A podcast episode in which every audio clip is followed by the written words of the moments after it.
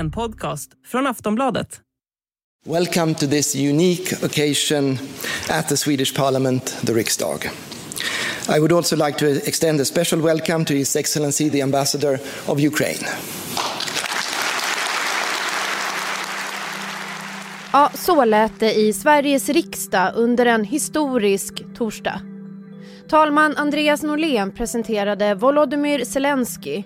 Via länk på en skärm höll den ukrainske presidenten tal till alla i kammaren och ja, till hela Sverige. Vi ska höra en liten bit av talet som här översätts av en tolk. Det blåa och gula är ju inte bara Ukrainas färger utan även Sveriges.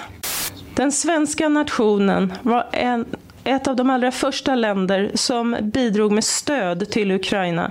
Ert stöd är helhjärtat baserat på värderingar, kärlek till frihet och bygger på symboler kring det blåa och det gula. Alla vet vad Sverige eftersträvar.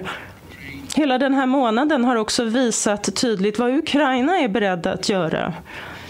Vi kämpar mot kriget tillsammans. Vi måste göra allt vi kan för att få Ryssland att söka fred. Det var ett historiskt beslut när Sverige beslutade för att skicka vapen till Ukraina. Vi är mycket tacksamma för det. I det här avsnittet av Aftonbladet Daily ska vi prata om vad Ukrainas president sa för något och varför. Och vad det kan innebära framöver. Känn dig varmt välkommen att lyssna. Jag heter Amanda Hemberg Lind. Gäst är Olof Svensson, politikreporter här på Aftonbladet. Hej och välkommen. Tack så mycket. Vi spelar in det här under torsdags eftermiddagen. Zelensky höll sitt tal i riksdagen. Där var du, Olof. Hur var stämningen?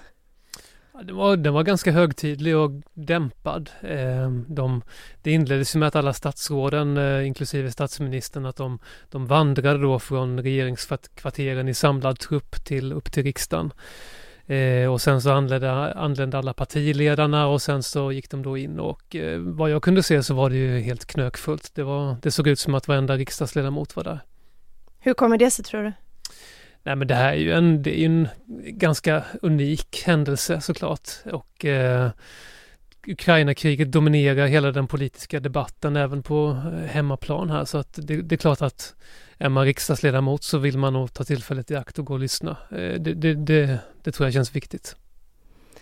Vad var då Zelenskis eh, budskap? Hans, han, han inledde ju med att det här liknelse, eller det här med att eh, visa på våra, våra likheter i färg på, på våra flaggor då och eh, gick vidare till att eh, att vi, vi är båda två länder som kämpar för frihet och eh, att, att då Sverige har bidragit väldigt mycket till, eh, eh till att hjälpa Ukraina. Eh, han tackade oss för det och han eh, han sa också att eh, alla länder som gränsar till Ryssland, då inklusive Sverige, för, i och med att vi ändå har ganska nära till Ryssland med Gotland, eh, att vi, vi är faktiskt utsatta för, för, Rysslands hot och att vi måste då tillsammans eh, eh, stå emot detta och eh, bekämpa eh, det ryska hotet och att Sverige måste fortsätta hjälpa Ukraina. Dels nu i den akuta fasen med, med vapentillförsel och men även sen när, det, när kriget är över och det blir dags att, eh, att återuppbygga landet. Eh, det, var han också inne på. Han sa också att han tycker att det, var, att det är viktigt att eh, eh, energitillförseln från, alltså att EU slutar importera energi, rysk energi eh, för att detta då är en viktig del för Putins krigskassa. Var det något som stack ut i talet? Eh, Ja, alltså han, han har väl ungefär jag tycker att han har varit inne på ungefär det här tidigare. Det var, det var inga sådana jättenyheter. Jag, innan talet så var det mm, spekulationer om han skulle då eh, be om någon speciell, något speciellt stöd. Om man skulle vädja till Sverige om att till exempel skicka någon, någon speciellt vapen eller så vidare. Men det, något sådant krav eller vädjan eh, uteblev. Varför hölls det här talet, tror du? Zelensky har ju hållit flera tal till i andra länder och det är såklart en del av hans strategi. Han, han vill eh, han, han, vill tacka, han vill liksom skapa opinion för, i, i, för hans sak och eh, de politikerna som jag pratade med från riksdagspartierna känner jag att det här är, det är väldigt hedrande också att han, att han vill tala inför eh, det svenska parlamentet, eller Sveriges riksdag. Så att eh, det, det, är nog ett ömsesidigt, eh, eh, ömsesidig vilja av att han skulle få tala. Aftonbladet Daily är snart tillbaka.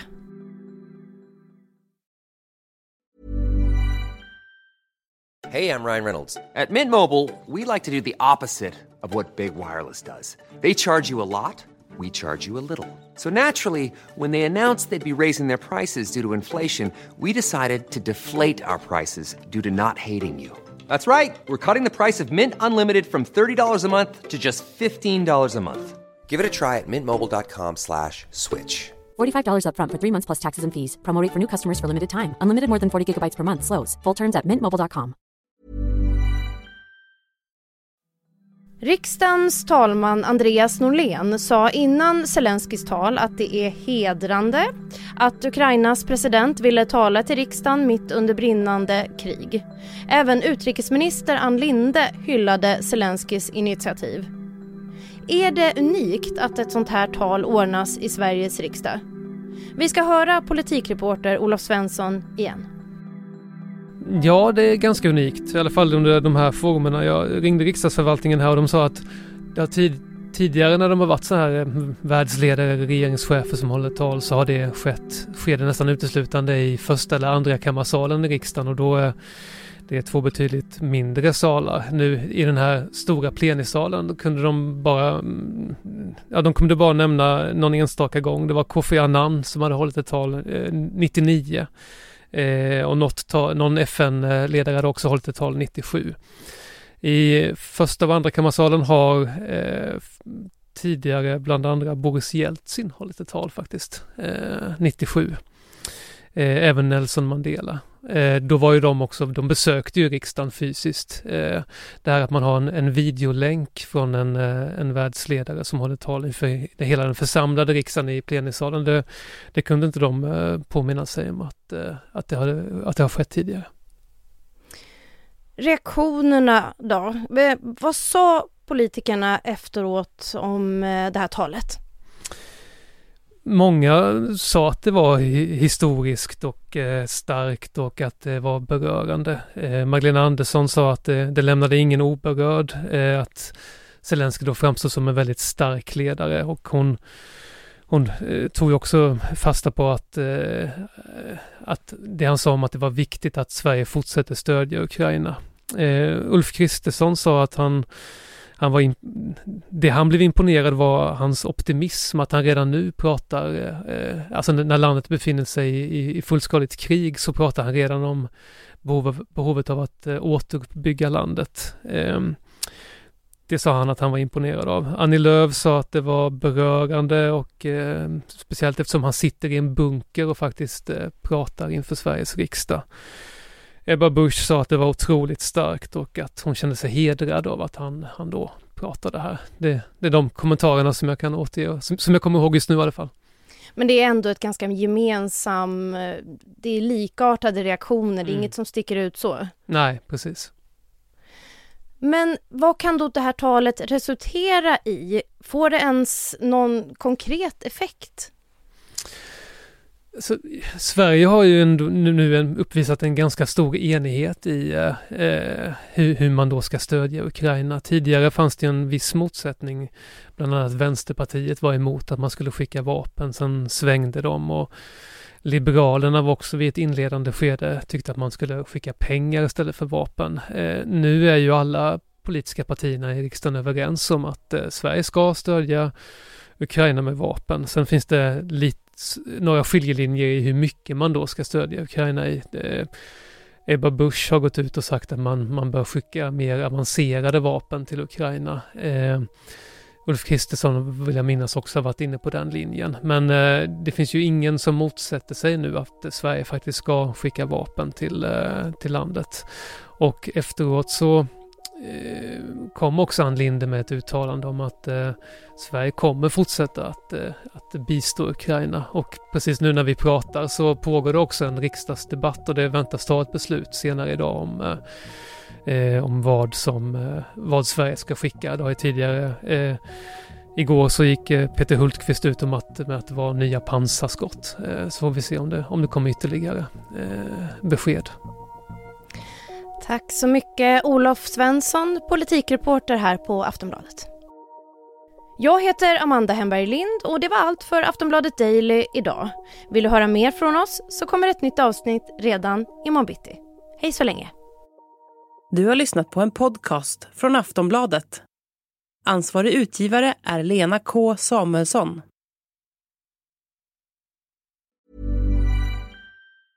Normally being a little extra can be a bit much, but when it comes to healthcare, it pays to be extra. And United Healthcare makes it easy with Health Protector Guard fixed indemnity insurance plans. Underwritten by Golden Rule Insurance Company, they supplement your primary plan, helping you manage out of pocket costs without the usual requirements and restrictions like deductibles and enrollment periods. So when it comes to covering your medical bills, you can feel good about being a little extra. Visit uh1.com to find the Health Protector Guard plan for you.